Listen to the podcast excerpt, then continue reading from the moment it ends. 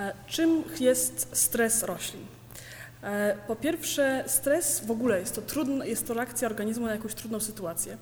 Natomiast e, w przypadku roślin mm, to reakcja rośliny na jakieś niesprzyjające warunki środowiskowe.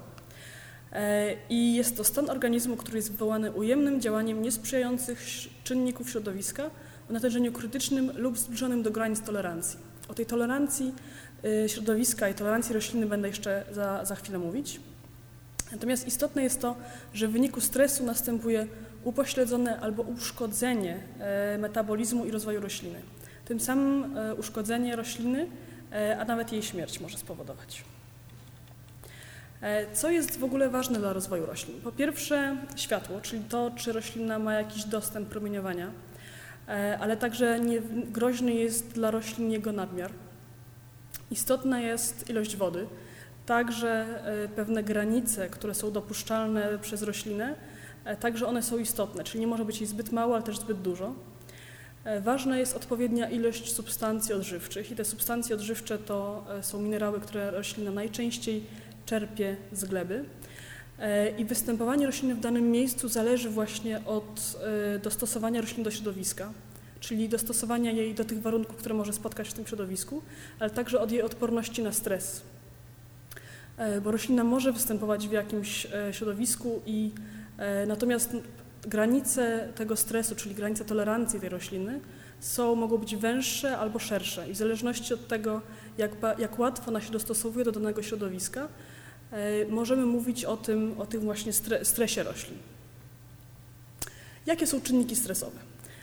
Po pierwsze promieniowanie, jego nadmiar lub niedobór. Niedobór promieniowania jest stanem naturalnym. W momencie, jeżeli rośliny się e, starzeją, e, jest to wynikiem z gorszego dostępu do wpływu promieniowania słonecznego. E, tak jak w czasie jesiennym one ulegają, liście opadają i jest to związane właśnie z niedoborem promieniowania słonecznego. Natomiast także nadmiar może być szkodliwy i rośliny są w stanie się do tego jakoś tam przystosować. E, ale także sprawia to, że e, na przykład w rejonach bardzo wysokiego promieniowania, w rejonach zwrotnikowych tych roślin jest niewiele.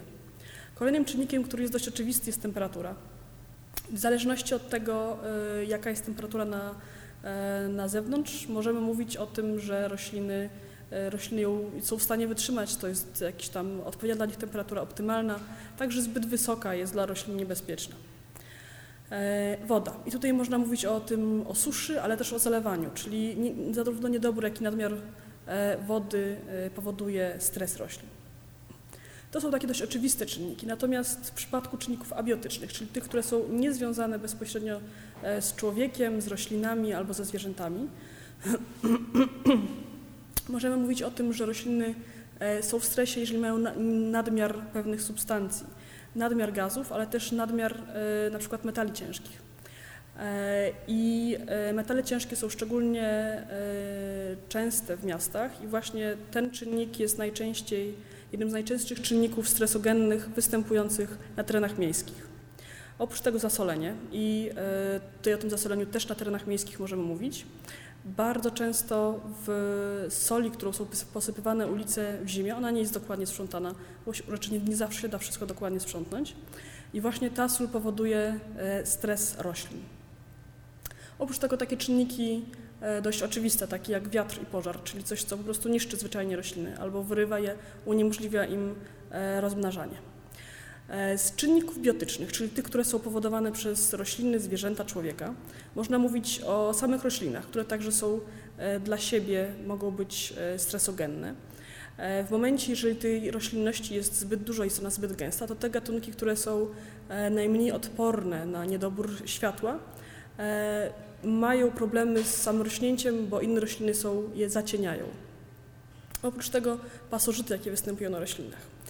E, oczywiście takie rzeczy jak mikroorganizmy, jak grzyby, które także atakują rośliny, e, szkodniki, tutaj można mówić o kornikach, które atakują rośliny, no i cała część e, antropogeniczna, czyli to, co my robimy, czyli to, jaką krzywdę roślimy rośliną, przez zanieczyszczenia środowiska, ale także środki ochrony. Środki ochrony na ogół są dostosowane do pewnych gatunków roślin e, i służą one temu, żeby rozwijały się z, na przykład zboża, ale jednocześnie niszczą te rośliny, które, które na tym samym środowisku bardzo chętnie rosłyby, ale nie mogą ze względu właśnie na ten wytępiające właściwości czynników, środków ochrony roślin kiedy pojawia się stres.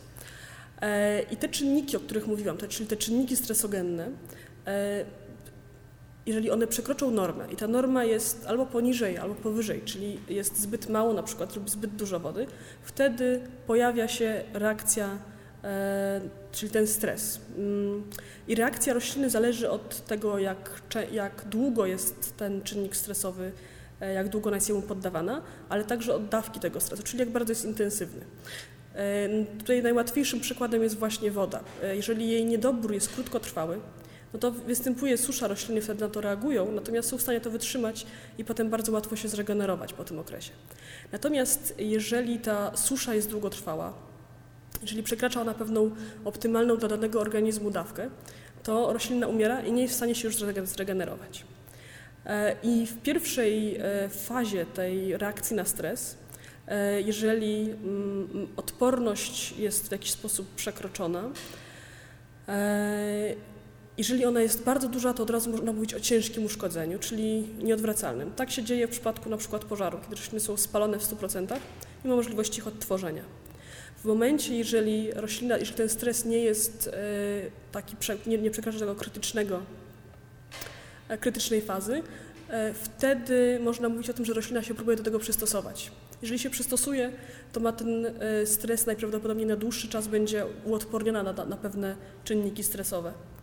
E, natomiast jeżeli ten stres jest bardzo długotrwały, nie jest bardzo intensywny, ale jest bardzo długotrwały, e, wtedy także przychodzi faza wyczerpania, czyli rośliny nie są już w stanie odnowić się i następuje ich chroniczne uszkodzenie, a w tym przypadku także śmierć rośliny. I można mówić o pięciu fazach E, reakcji na czynnik stresowy. Po pierwsze faza alarmu, czyli wtedy, kiedy e, przy słabym bodźcu zastępuje zaburzenie równowagi e, w funkcjonowaniu roślin. I to jest taka pierwsza faza takiego alarmu. Ona, jeżeli czynnik stresowy ten ulegnie, nie będzie go, to wtedy nie będzie problemu z samym odnowieniem się rośliny. Potem kolejna faza to reakcja na stres czyli e, reakcja e, na e, czynnik stresowy, rozpoczęcie procesów, które mają na, na celu jego mm, poprawianie funkcjonowania rośliny. Czyli wtedy roślina próbuje zrekompensować to, co w tej chwili ma, to, co w tej chwili jest dla niej najtrudniejsze. Jeżeli się to uda, E, następuje to w fazie odporności, czyli dostosowuje się do warunków stresowych. E, wprowadza wszystkie procesy naprawcze. W momencie wyczerpania, czyli fazy wyczerpania, następuje nieodwracalne uszkodzenie i śmierć. E, natomiast to jest wtedy związane, jeżeli ten stres jest albo bardzo długotrwały, albo bardzo intensywny. W momencie, jeżeli czynnik stresowy ustąpi, a roślina nie przeszła faza wyczerpania, można mówić o fazie regeneracji Czyli po zaniku bodźca stresowego roślina się regeneruje i powraca do swojego normalnego funkcjonowania. Czy stres roślin jest pozytywny czy negatywny?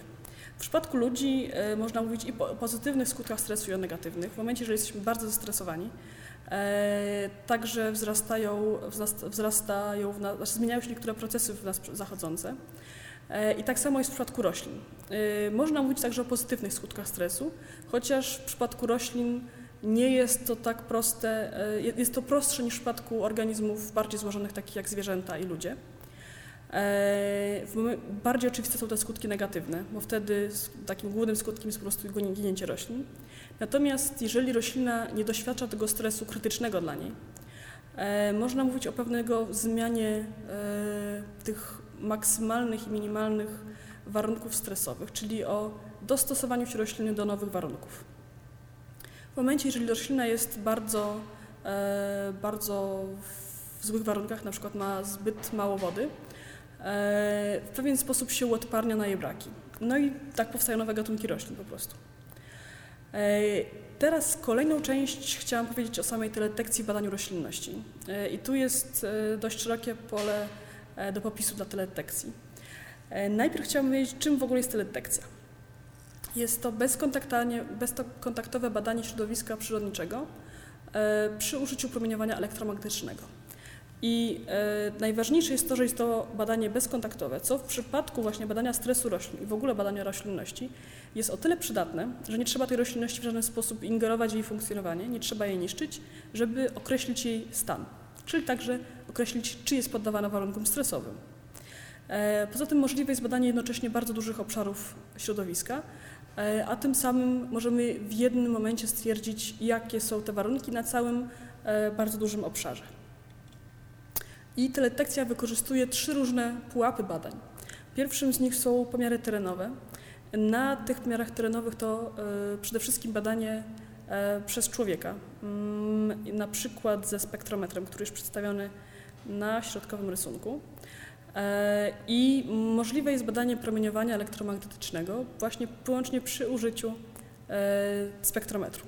Oczywiście są także wykorzystywane inne techniki, mm, na przykład z pewnego rodzaju podnośników i to także są metody teledetekcyjne. Drugą częścią są obrazy lotnicze e, i tutaj z bardzo różnego rodzaju e, środków latających można e, badać środowisko, z samolotów bezzałogowych mm, i z samolotów, które mają na pokładzie człowieka i uzyskujemy przy tym zdjęcia lotnicze. E, zdjęcia lotnicze na ogół, na ogół obejmują mniejszy obszar niż zdjęcia satelitarne, natomiast także mają lepszą rozdzielczość, e, czyli więcej, na nich, więcej szczegółów na nich jest widoczne. W przypadku obrazów satelitarnych, e, jak wiemy, dookoła Ziemi umieszczone są satelity i one pozwalają na obrazowanie dużych obszarów. Jakie o samych charakterystykach nie będę się w nie zagłębiać, natomiast w zależności od tego, jak, on, jak, ten satelita jest wysoko, jaka jest jego odległość, jaka jest jego konstrukcja, możemy uzyskać albo bardziej, albo mniej szczegółowy obraz Ziemi, a tym samym obraz roślinności. Co mierzymy przy użyciu teledetekcji? E, mierzymy promieniowanie, jakie jest dostarczone e, i promieniowanie, jakie jest odbite, tutaj szczególnie od roślin, e, czyli ile światła się od nich odbija.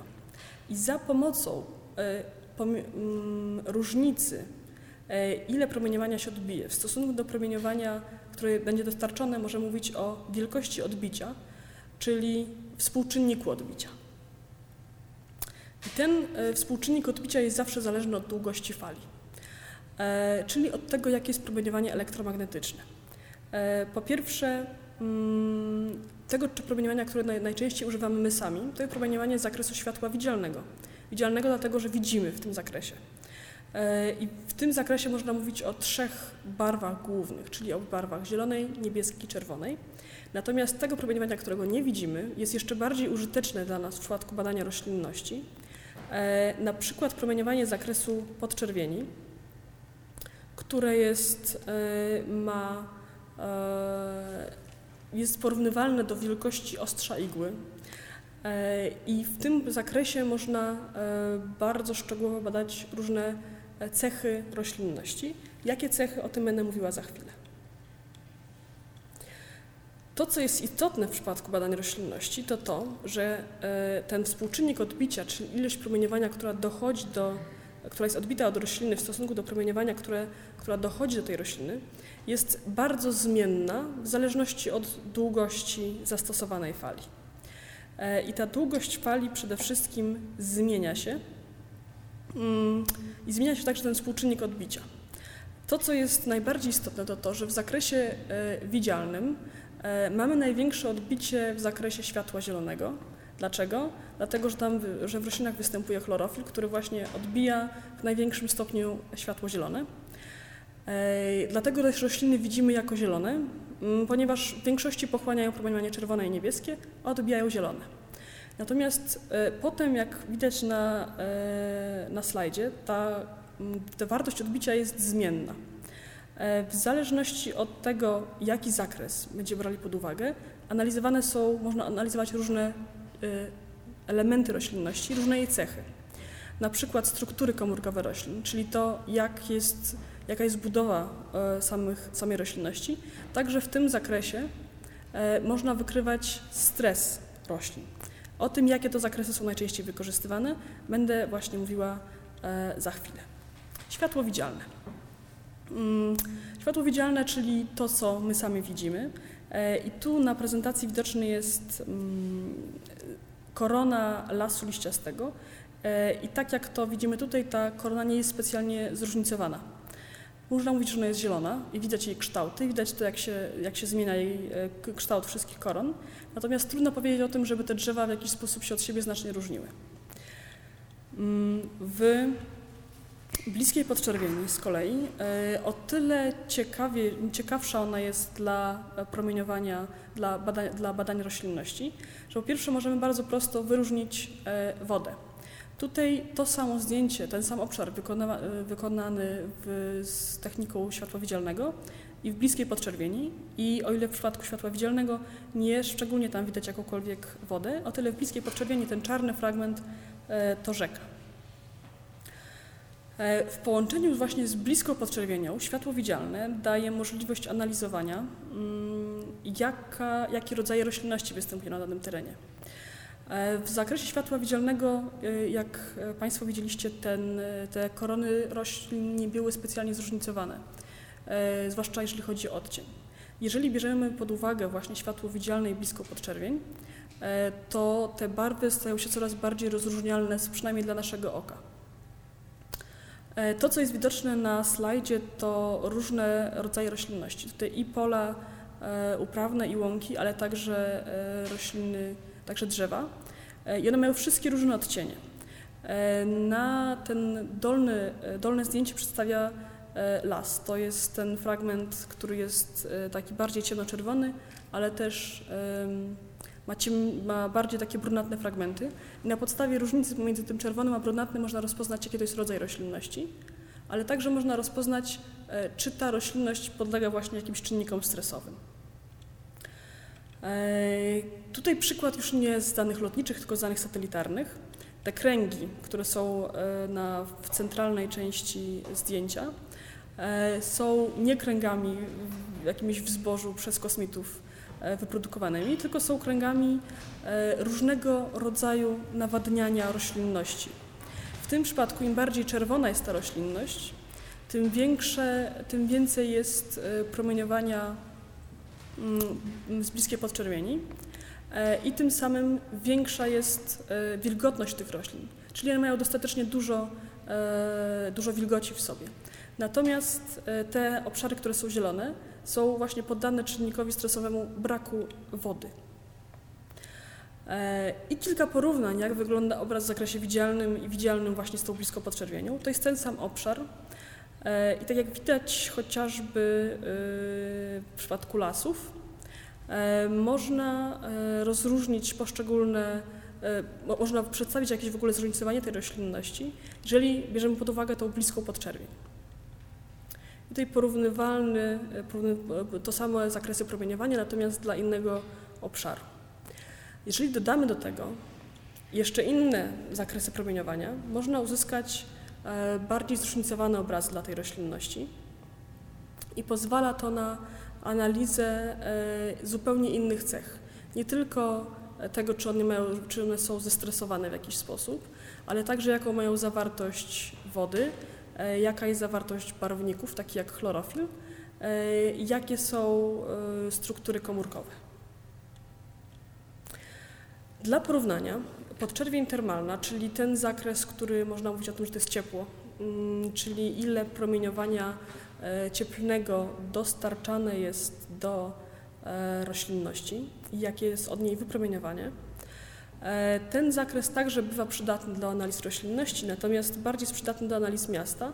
I w centralnej części tego zdjęcia jest właśnie przedstawione miasto, które widać, że jest znacznie bardziej, ma wyższą temperaturę, bo jest znacznie bardziej jasne na zdjęciu. Natomiast także jest wykorzystywana do badania roślin. E, I tutaj zdjęcie wykonane w zakresie światła widzialnego i zdjęcie wykonane właśnie e, w zakresie termalnym, natomiast ze znacznym zróżnicowaniem kolorystycznym, czyli trochę takim bardziej podbarwionym. Te fragmenty, które są ciemniejsze, które bardziej są niebieskie albo zielone, mają większą zawartość wody. Te, które są żółte, mają tej wody zdecydowanie mniej.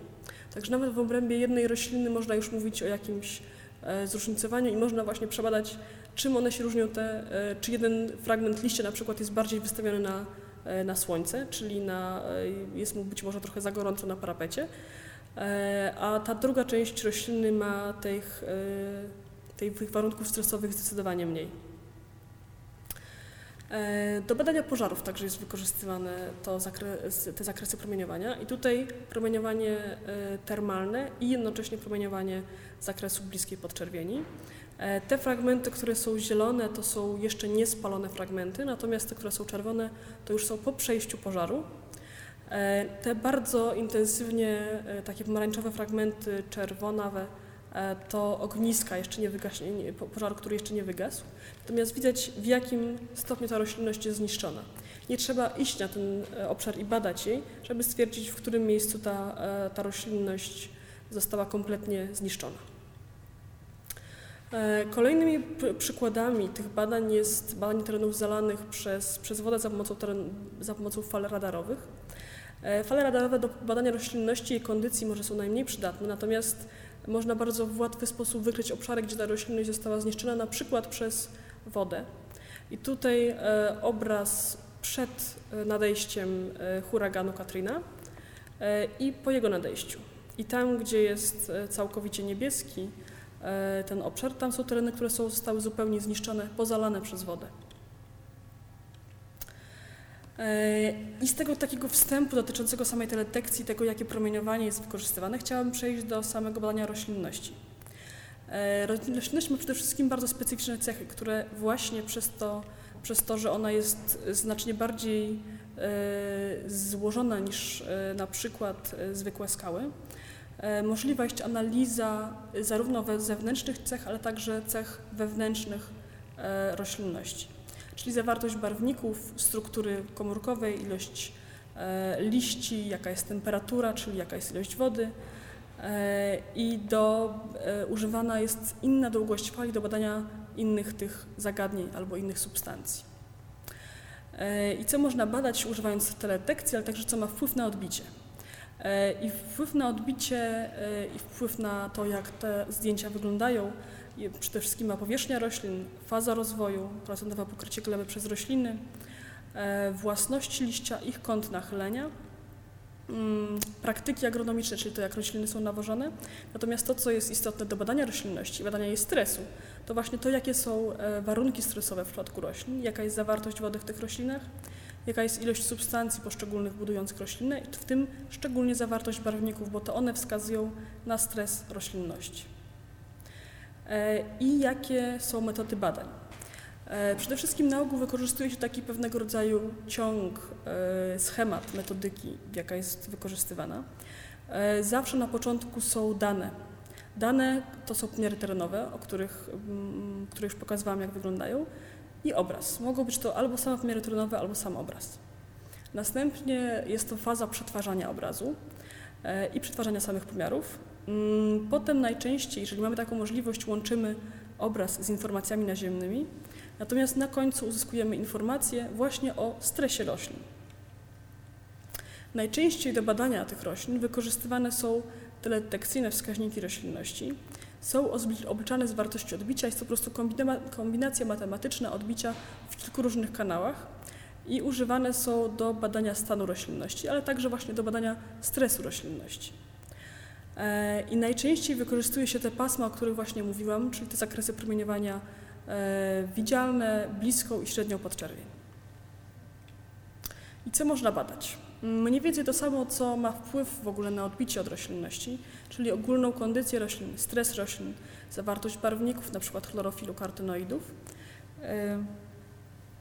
powierzchnię liści, ich strukturę i przykład ile światła jest wykorzystywane w procesie fotosyntezy, co pozwala na szacowanie przyszłych plonów, e, badanie stresu wodnego roślin i badanie zagrożenia pożarowego, czyli wtedy, kiedy rośliny mają zbyt małą wilgotność, a jednocześnie są bardzo suchymi roślinami ze swojej natury, możemy mówić o tym, że e, możemy prognozować w pewien sposób badanie zagrożenia pożarowego. I takim bardzo przykładowym, bardzo podstawowym wskaźnikiem jest właśnie wskaźnik mówiący o e, zróżnicowany wskaź, różnicowy wskaźnik zieleni, który składa się z kombinacji odbicia w promieniowaniu e, w bliskiej podczerwieni i w promieniowaniu czerwonym. E, I im większe ma wartości, tym roślina jest bardziej zielona. Im mniejsze, tym bardziej jest właśnie taka wysuszona, żółta, tak jak tutaj na, na prezentacji jest, e, jest pokazane. E, I chciałam pokazać kilka przykładów tych właśnie wskaźników roślinności, tego jak one mogą być używane. I tutaj porównanie dwóch różnych okresów mm, w, w roku. Dla kwietnia i zaraz będzie dla czerwca 2001 roku. I właśnie jak są, wyglądają wartości tego wskaźnika NDVI. E, I jak widać na tym obszarze, e, szczególnie obszar Europy jest taki zielonkawy, ale jeszcze nie jest mocno zielony. Natomiast porównując te obrazy z czerwcem z 2001 roku widać, że półkula północna jest zdecydowanie bardziej zielona. Czyli dla kwietnia bardziej e, ta półkula północna jest, jeszcze nie, nie jest ta, ta roślinność tak bardzo rozwinięta. W przypadku czerwca już zdecydowanie to jest takie maksimum wegetacji tej roślinności. E, co jeszcze można uzyskać za pomocą wskaźników? Mm, tutaj zaprezentowany obraz e, z obszarów karkonoszy w zakresie widzialnym.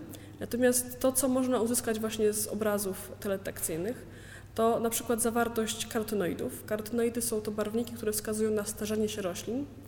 E, Im jest ich więcej, tym większe prawdopodobieństwo, że rośliny są, już są w takiej fazie starzenia się. I widać, że tutaj zwłaszcza tereny na, na południowym fragmencie tego zdjęcia są takie dość, dość jasne. E, zawartość celulozy. W związku z tym, że to były badane lasy, tam tej celulozy jest bardzo dużo, czyli wartości e, tego wskaźnika określającego zawartość celulozy także są bardzo wysokie. E, wskaźnik określający stres wodny roślin. Stres wodny praktycznie nie wystąpił na żadnym terenie, natomiast nieco wyższy jest E, właśnie dla obszarów leśnych, głównie dlatego, że one mają w ogóle mniejszą zawartość wody, e, ale też ta e, pora roku, której było robione to zdjęcie, to jest obszar, to jest wrzesień, w związku z tym ta zawartość wody także w tym, w tym obszarze też jest dość, dość niska. I z takich kombinacji wskaźników można wyliczać różne charakterystyki.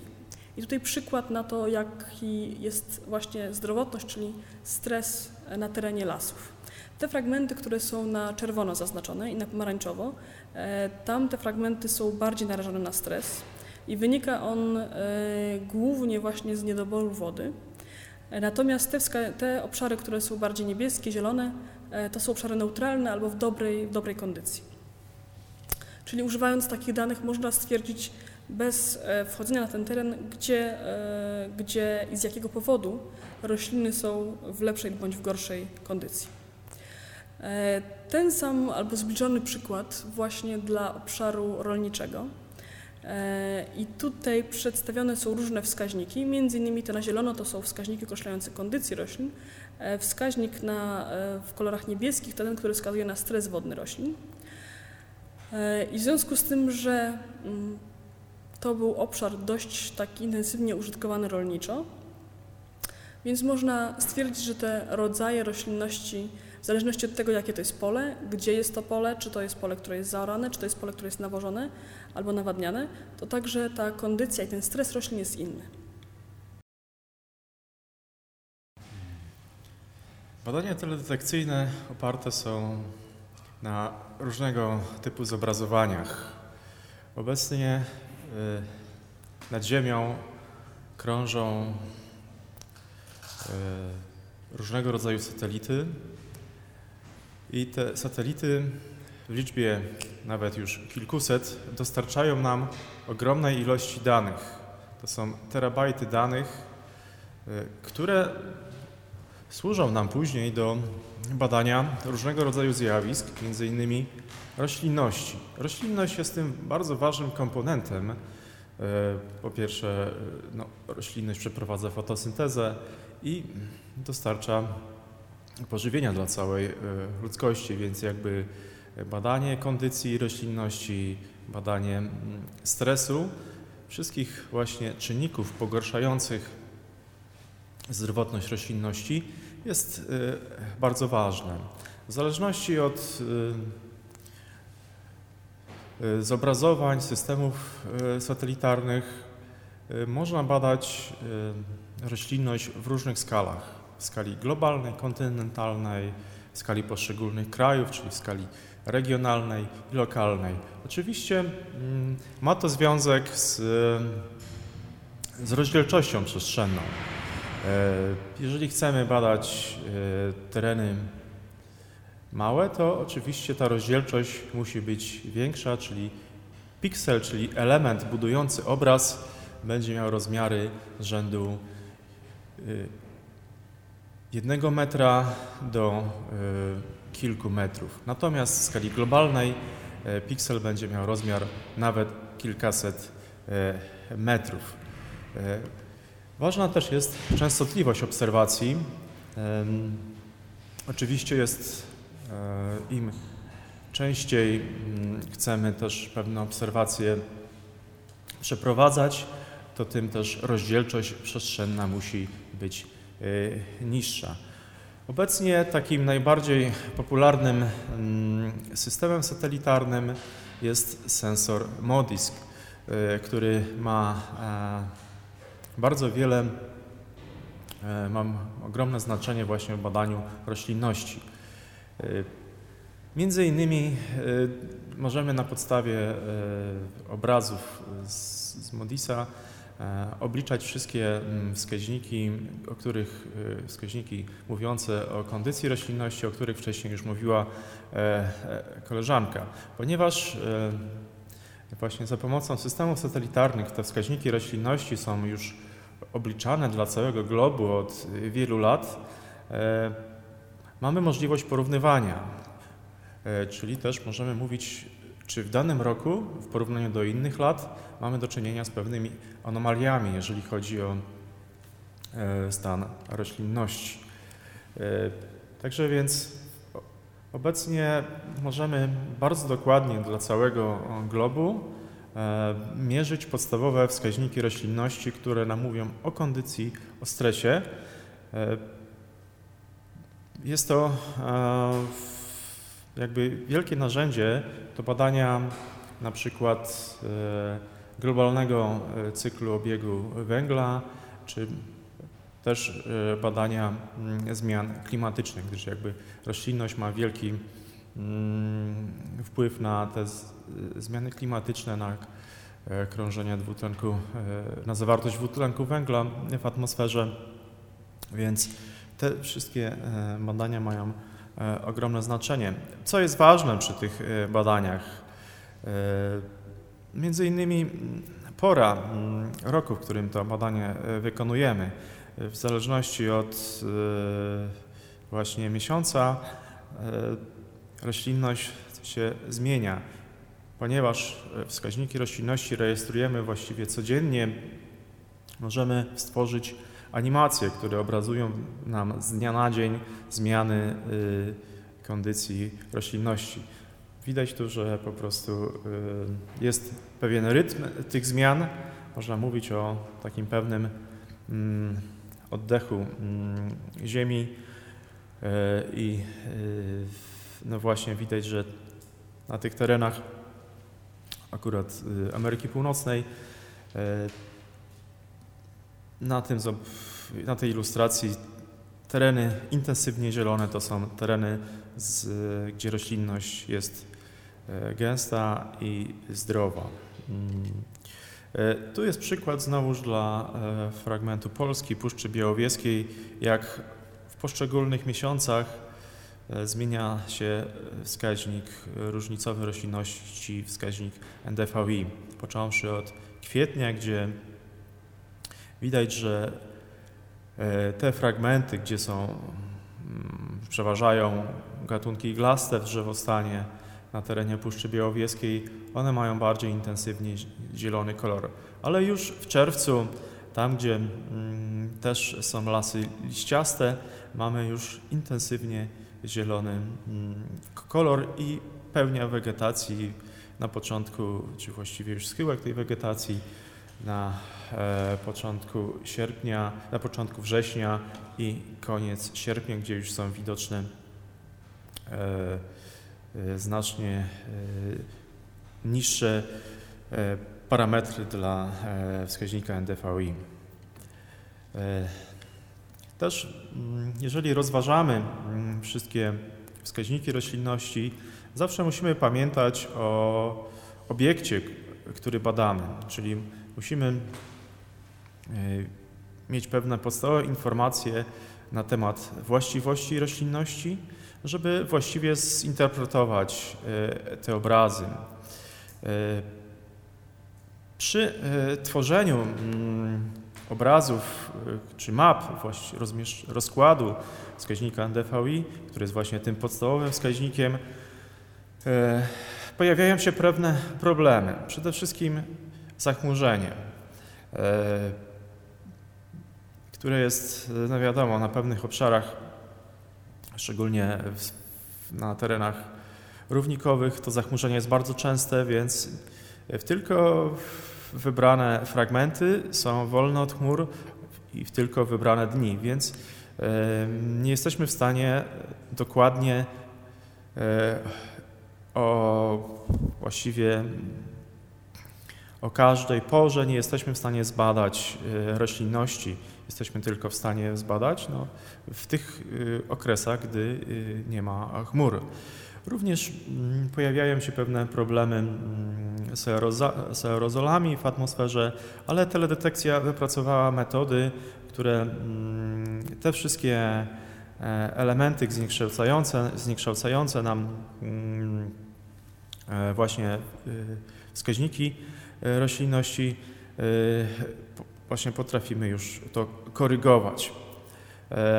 Tutaj też była mowa o badaniach terenowych wcześniej. Te badania terenowe też są bardzo ważne, żeby powiązać badania z pułapu satelitarnego e, z rzeczywistymi wartościami, e, które są e, w terenie. Sam wskaźnik NDVI może być pochodny później do opracowywania, może służyć do opracowywania pochodnych produktów, a więc jest bezpośrednio też świadczy o ilości chlorofilu, natężeniu fotosyntezy, a wszystko to się też przekłada na produktywność ekosystemów i na szacowanie ilości biomasy. W ten sposób też możemy y, przejść do przewidywania plonów i szacowania niedoborów żywności, co też ma ogromne y, znaczenie. Ponieważ e, mówiłem o tym zachmurzeniu, dla pewnych obszarów tworzymy obrazy uśrednione. Tutaj mamy obraz będący złożeniem w części lewej, wyspa Borneo, e, białe plamy wynikające z zachmurzenia. Jeżeli weźmiemy obrazy już z 30 dni widzimy, że tych białych plam wynikających z zachmurzenia jest bardzo mało. Także bardzo często mm, badając roślinność posługujemy się uśrednionymi obrazami, które są jakby wypadkową e, z, z wielu dni, co pozwala nam uniknąć ten problem związany mm, z zachmurzeniem. Następna e, ważna sprawa to są właśnie anomalie, czyli odstępstwa od pewnej średniej wartości kondycji roślinności. E, czyli na podstawie średnich z badań na przykład z przeciągu 20 lat dla danego momentu, dla danego roku czy miesiąca możemy określić, które fragmenty mają średnio, czyli które fragmenty są e, z kondycją lepszą w porównaniu do średniej, czy z, kondycji, czy z kondycją niższą w porównaniu do średniej. E, to też mm, jest e, bardzo ważne, gdyż no właśnie pozwala nam mm, no, lepiej szacować plony.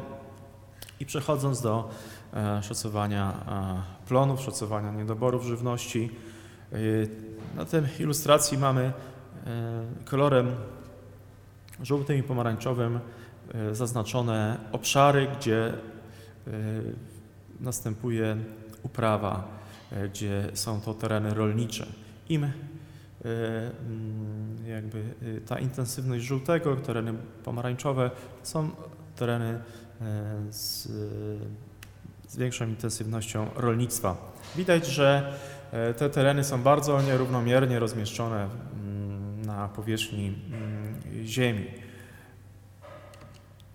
E, teraz e, bazując na wskaźnikach roślinności, które mówią nam no, między innymi o niedoborach mm, wody, możemy wskazać tereny gdzie wystąpiła susza.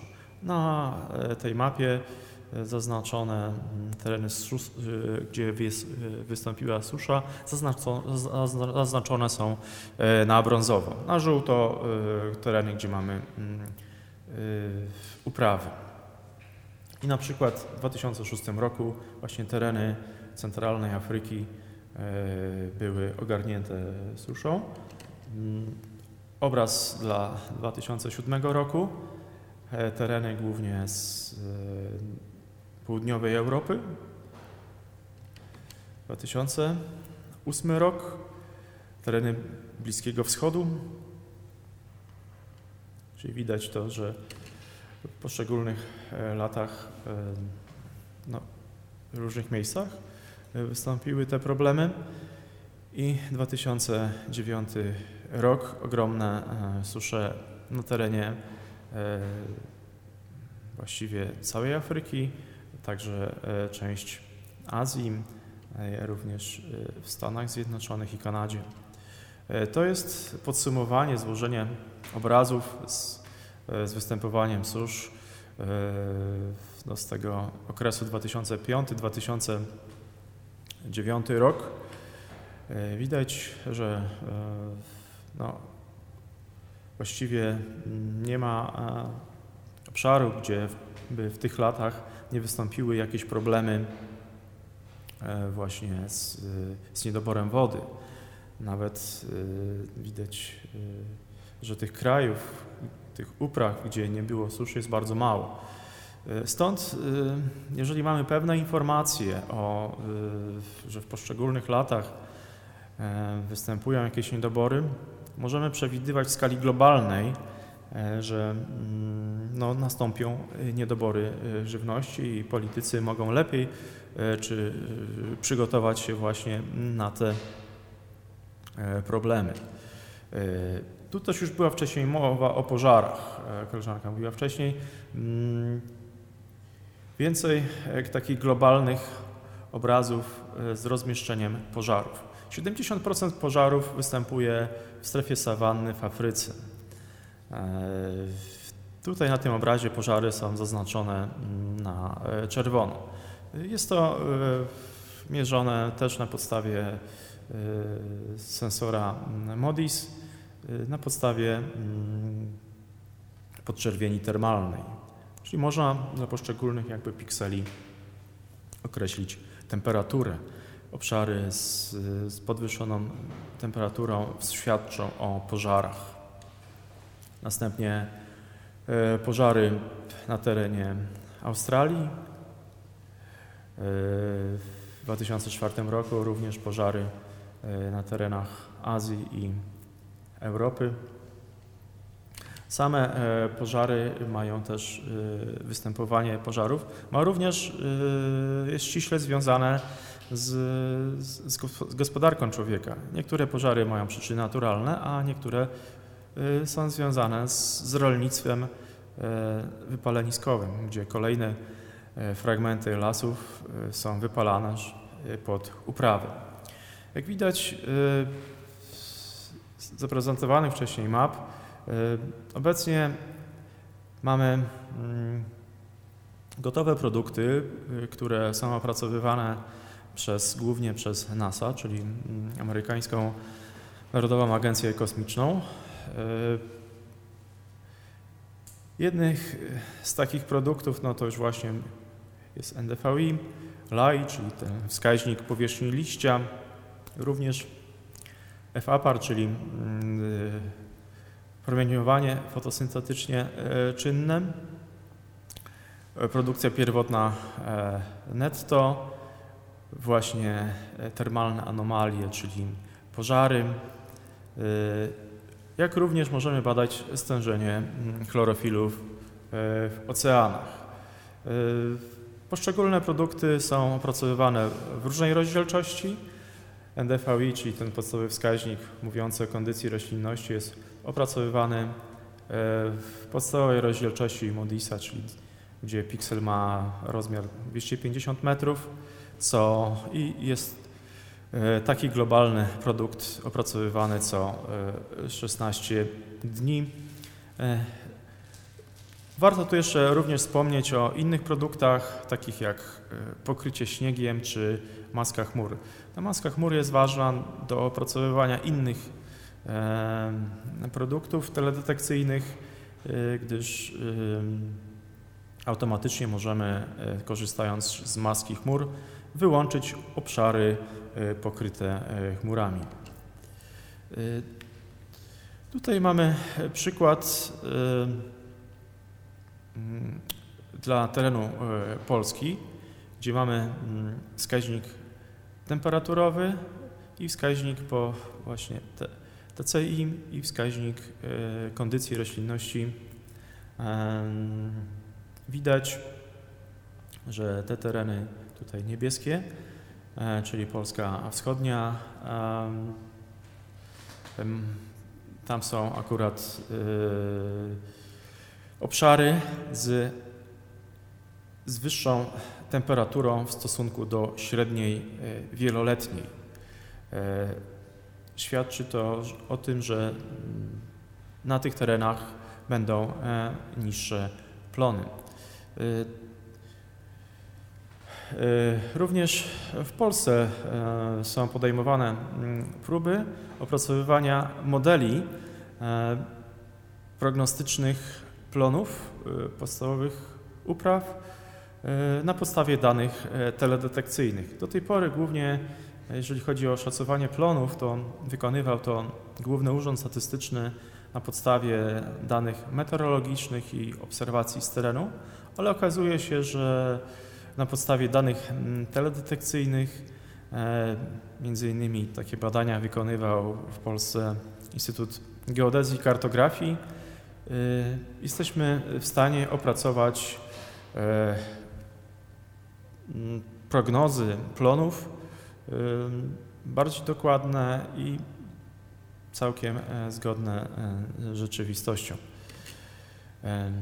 Jeszcze kilka słów na temat rolnictwa precyzyjnego. To, co wcześniej Państwu prezentowałem, to były produkty globalne, obejmujące całą Ziemię ale też e, z niższych pułapów, na przykład e, na podstawie zdjęć wykonywanych e, kamerami wielospektralnymi z pułapu samolotu, jesteśmy w stanie badać wybrane fragmenty upraw. Tutaj mamy przykłady kompozycji w barwach nierzeczywistych. Na obrazku górnym czerwonym kolorem są e, pokazane uprawy, gdzie mamy do czynienia z no, żywą roślinnością zdrową, natomiast na niebieski kolor e, są zaznaczone akurat e, na tym obrazie obszary z odsłoniętą mm, glebą. Mamy też ten sam obszar przedstawiony w podczerwieni termalnej, e, czyli e,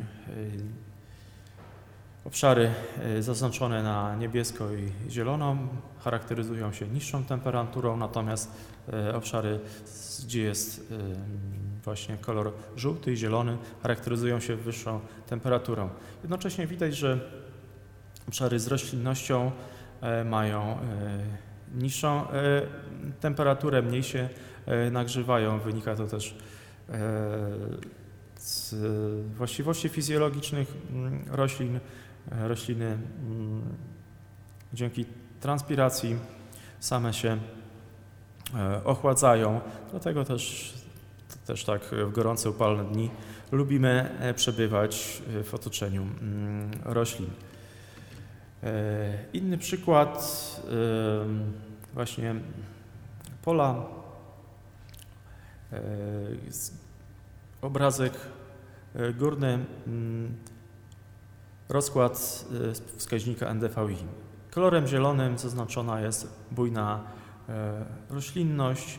E, następny obrazek środkowy przedstawiający nam e, wskaźnik związany mm, z wilgotnością, rozkład wilgotności. Widać, że fragmenty wybrane pola na zielono są to fragmenty, gdzie jest wysoka wilgotność. E, po złożeniu tych dwóch informacji e, widać na tym obrazku najniższym, e, czerwonym kolorem są zaznaczone uprawy w stanie stresu i możemy wnioskować stąd, że te fragmenty, dla tych fragmentów konieczne jest nawadnianie. Te rolnictwo precyzyjne, bazujące na różnych obrazach e, pochodzących e, z metod teledetekcyjnych e, szczególnie dobrze mogą być wykorzystywane na terenach dużych farm, gdzie naprawdę rolnik nie jest w stanie wizualnie sam sprawdzić, jaka, w jakim stanie są uprawy. Jeżeli są pola, pola bardzo duże, to e, przydatne są właśnie tutaj te mm, metody teledetekcyjne, które mogą nam właśnie precyzyjnie podpowiedzieć, e, które pola, w których miejscach e, no właśnie jest gorsza kondycja roślinności, czy na przykład wymaga to nawadniania, nawożenia czy zwalczania mm, chwastów. Czyli mamy bardzo dokładną informację na temat no właśnie, mm, gdzie e, uprawy mają gorszą kondycję i mm, gdzie należy wykonać pewne zabiegi, co też nam oczywiście oszczędza czas i e, pieniądze. Tu jeszcze jeden przykład e, z Arizony. Akurat jest to zobrazowanie Landsata, średnio rozdzielcze, gdzie wielkość piksela wynosi 30 metrów. Kolorem czerwonym są zaznaczone E, terenem e, nawadniane.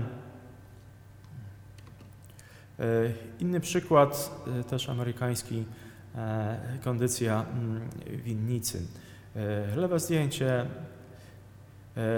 im kolor bardziej czerwony, mm, tym lepsza kondycja mm, roślinności. Także widać, że pewne fragmenty tej winnicy są w gorszym stanie, a inne w lepszym. E, co też, mm, jeżeli chodzi o właścicieli e, tych pól, e, może im podpowiadać no właśnie fragmenty, które później zebrane plony, no oczywiście z, z fragmenty, gdzie jest lepsza kondycja, same winogrona będą miały większą zawartość cukru, będą mniej kwaśne i też może to służyć do e, e, zróżnicowania e, produkcji wina. I też jest to obraz uzyskany kamerą wielospektralną z pułapu samolotu, więc również można mm, korzystać ze specjalnych nalotów, zamawiać takie naloty, czy nawet z nalotów z kamer zamontowanych na samolotach bezzałogowych E, do opracowywania mm, szczegółowego rozkładu mm, kondycji roślinności na e, właśnie polach uprawnych. E, następny zastosowania, zastosowania związane z leśnictwem. Widać tutaj, że mamy jak w obrębie tego drzewostanu drzewa, które przebarwiają się i tracą liście. Jest to po prostu takie ognisko występowania szkodliwego chrząszcza. Jeżeli mamy teraz obrazy znowuż z pułapu samolotu czy z pułapu satelitarnego, jesteśmy w stanie mm, dokładnie skartować, e, wykonać mapy z rozmieszczeniem e, właśnie takich obszarów zaatakowanych. Oczywiście bardzo ważne jest też wczesne mm, ostrzeganie, czyli żeby wychwycić pierwsze objawy pogorszenia się stanu mm, drzewostanów. Tutaj też będzie ważne informacje związane e, z, no, z biologią e, rozwoju e, tych wszystkich szkodników. Inny przykład, znowuż uszkodzone mm, gatunki iglaste. Mm, tutaj też to taki brunatny mm, kolor, czyli jesteśmy w stanie na zdjęciach wysokorozdzielczych, barwnych dokładnie wychwycić, które drzewa nawet są uszkodzone. Kolejny przykład właśnie obumierających drzew. Widoczny mm, z lotu ptaka. Jeżeli jeszcze zejdziemy niżej, widać z poziomu terenu uszkodzone, usychające drzewa i żółknące igły sosnowe. Czyli w zależności od pułapu, na którym byśmy wykonywali mm, nasze mm, zdjęcia czy zobrazowania teledetekcyjne, możemy mówić o uszkodzeniach w obrębie pojedynczych roślin, uszkodzeniach drzewostanów czy całych kompleksów leśnych. To jest przykład uszkodzeń drzewostanów z terenu Tatr i też również wykonywane są e, zobrazowania teledetekcyjne, które mogą nam e, dokładnie e, przedstawić stan uszkodzeń tych drzewostanów. Teraz jeżeli chodzi też o pewne kwestie mm, metodyczne, ponieważ mamy różne wskaźniki kondycji które e, mówią o trochę innych rzeczach. E, możemy tworzyć wypadkowe e, mapy kondycji oparte na różnych wskaźnikach roślinności. Na przykład wskaźnik SAVI, który mówi nam o mm, wpływie również procent, jak, jaki jest pokrycie gleby w stosunku do E, pokrycia e, roślinności. Im większy udział odkrytej gleby, tym ten e, wskaźnik jest niższy. Wskaźnik FAPA związany z, z promieniowaniem fotosyntetycznie czynnym i wskaźnik LAI, wskaźnik powierzchni liścia. Te trzy wskaźniki można później zebrać w jeden wypadkowy wskaźnik kondycji. Tu inny przykład e, też e, wskaźnik kondycji dla Puszczy Białowieskiej opracowany e, jako wypadkowa kilku wskaźników roślinności. Widać, że prawie cała puszcza jest w kolorach, w kolorach zielonych, gdzie ciemnozielony oznacza kondycję bardzo dobrą, tylko niewielkie obszary no właśnie pozbawione właściwie roślinności mają tą kondycję e, e, średnią czy słabą. Poza terenem e, Parku Narodowego, gdzie występują lasy gospodarcze, mamy obszary z dobrą i bardzo dobrą kondycją. Wynika to z tego, że mm, w Parku Narodowym, gdzie przyroda rządzi się własnymi prawami, mamy również do czynienia z zamieraniem naturalnym drzew ze starości. Występują duże ilości e, martwego drzewna, drewna i to też w pewnym stopniu e, obniża e, te wskaźniki roślinne. Mm. I jeszcze przykłady inne związane z wydarzeniami katastrofalnymi to zaprezentuję koleżankę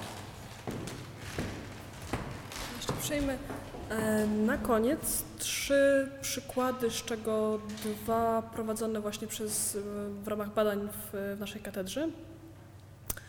e, badań roślinności i pierwszy z nich to e, badaliśmy wpływ wybuchu radioaktywnego na stres roślin. E, w roku 90, w 86 miała miejsce katastrofa w Czarnobylu, wybuch, które przynajmniej z doniesień, jakie, jakie były prowadzone i z tego, jak, jak prowadzono badania, miał bardzo duży wpływ na roślinność. Szczególnie w tym początkowym okresie, ze względu na rozprzestrzenianie się tego pyłu radioaktywnego, e, bardzo duże połacie lasu e, uschły, ponieważ nie mogły pobierać, e, przeprowadzać właściwie procesu fotosyntezy. Natomiast właśnie ten obszar, czyli w okolicach miasta Prypeć, przebadaliśmy przy użyciu satelity Landsat, który miał jeden piksel wielkości 30 metrów, czyli z bardzo E, nie, nie, nie są to bardzo szczegółowe badania pojedynczych roślin, natomiast bardzo dużego obszaru. E, I zaprezentowany jest tutaj fragment, który został przeanalizowany. E, na żółto zaznaczony jest obszar elektrowni, czyli mniej więcej w tym miejscu jest elektrownia, natomiast przeanalizowane były trzy obszary bardzo szczegółowo. I właśnie jak zmieniają się warunki tych roślin, jak one się rozwijały w rok po, znaczy w, kilku, w kilkanaście dni po wybuchu, w rok po wybuchu e, i w kilkanaście lat po samym wybuchu. W związku z tym, że ze względu na doniesienia, że ta roślinność w tej chwili jest bardzo intensywnie się rozrasta e, i odnawia się, przez to, że ludzie tam nie użytkują już tych obszarów. E, I było to przeprowadzone badanie na podstawie wskaźników roślinności.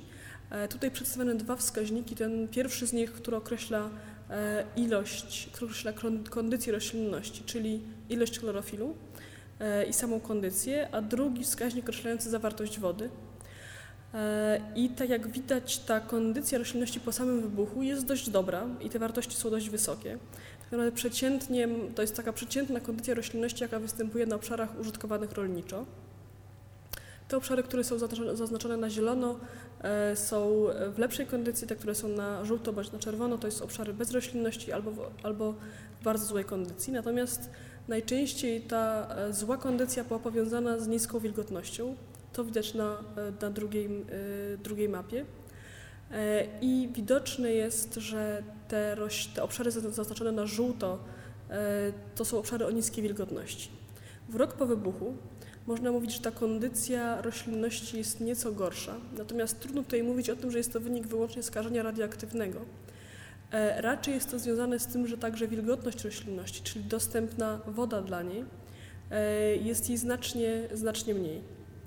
W związku z tym także widać trochę to pogorszenie się kondycji roślin, natomiast nie jest ono bardzo wyraźne.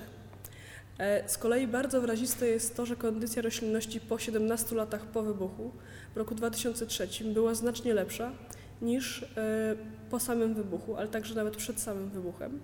Jest to związane tutaj wyraziście z tym, że e, nie zostało, nie jest ta roślinność użytkowana.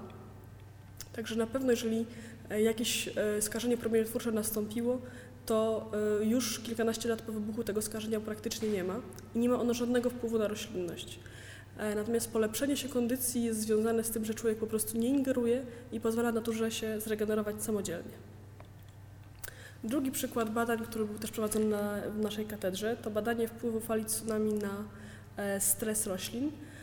E, I e, fala tsunami, czyli trzęsienie ziemi, które wywołało falę tsunami e, w Japonii w 2011 roku w marcu, przebadano dwa okresy. Jeden, jedno zdjęcie z roku 2004, jedno zdjęcie z, z czerwca 2011 roku, czyli w takim momencie, kiedy roślinność powinna już być na terenie Japonii odpowiednio, znaczy powinna już rosnąć normalnie.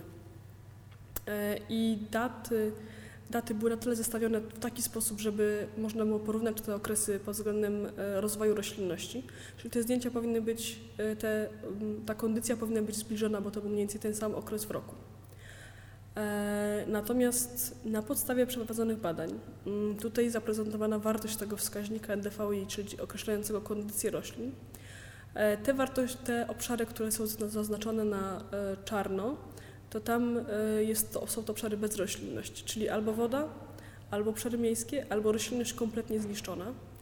E, te obszary, które są na żółto, to jest roślinność w złej kondycji, e, ewentualnie roślinność, która się bardzo źle rozwija przez to, że na przykład są to obszary bardzo intensywnie przenawożone.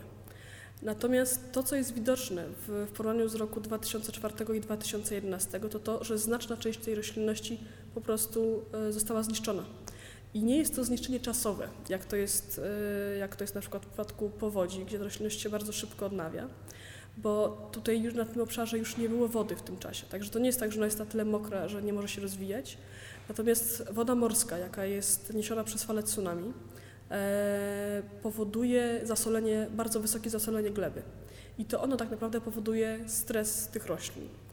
E, roślinność, która ma tak e, słone podłoże, nie jest w stanie się rozwijać, bo sól i wszystkie te minerały zawarte w soli zatyka, uniemożliwia przepływ w ogóle wody, więc te rośliny umierają z, niej, z jej braku, bo niemożliwe jest pobranie takiej wody właśnie bardzo mocno zasolonej.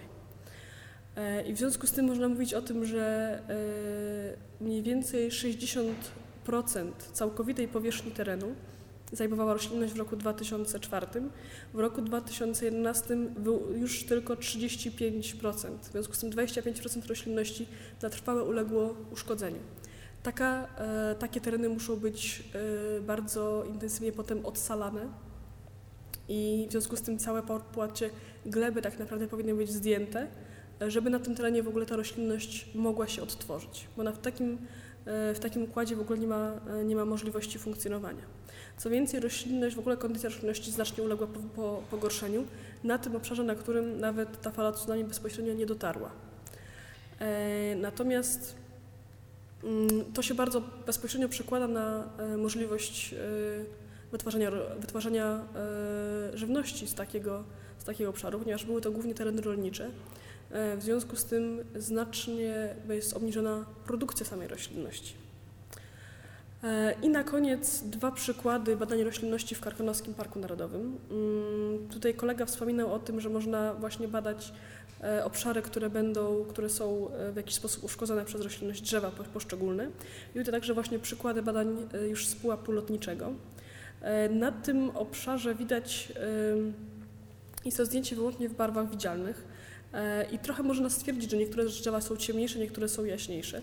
Natomiast jeżeli dodamy do tego tych e, obszar, zbadamy w innym zakresie promieniowania, e, to bardzo wyraziście widać, które drzewa są uszkodzone, są w stanie stresu. Wszystkie drzewa, które są na czerwono, to są drzewa w dobrej kondycji.